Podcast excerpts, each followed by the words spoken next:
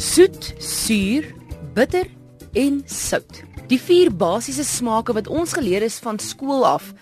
Bitter is heel agter in die middel van die tong, suur is aan die kant van die tong heel agter, sout is voor aan die kant en dan soet heel op die punt van die tong.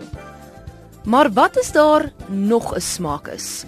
'n Smaak genaamd umami wat jy in die middel van jou tong proe. Ja, kyk nou net. 'n Mens is nooit te oud om te leer nie.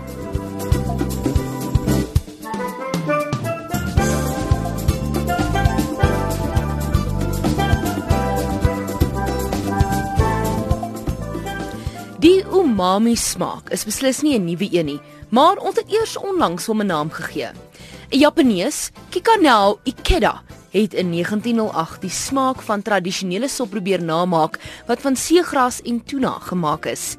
Hy meng toe soet, sout, suur en bitter bymekaar wat toe 'n smaak gee anders as enigiets wat hy al ooit voorheen geproe het. In sy laboratorium het Ikeda dit reggekry om die stof te identifiseer wat die smaak gegee het en dit was glutamien. Ikeda noem toe die smaak van glutamien umami, wat direk vertaal na heerlik.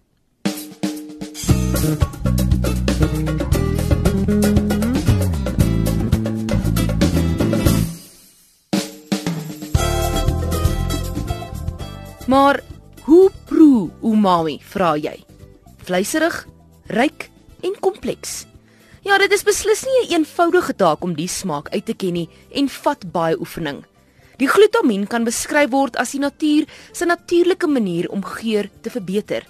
Dit gee die umami smaak in kos.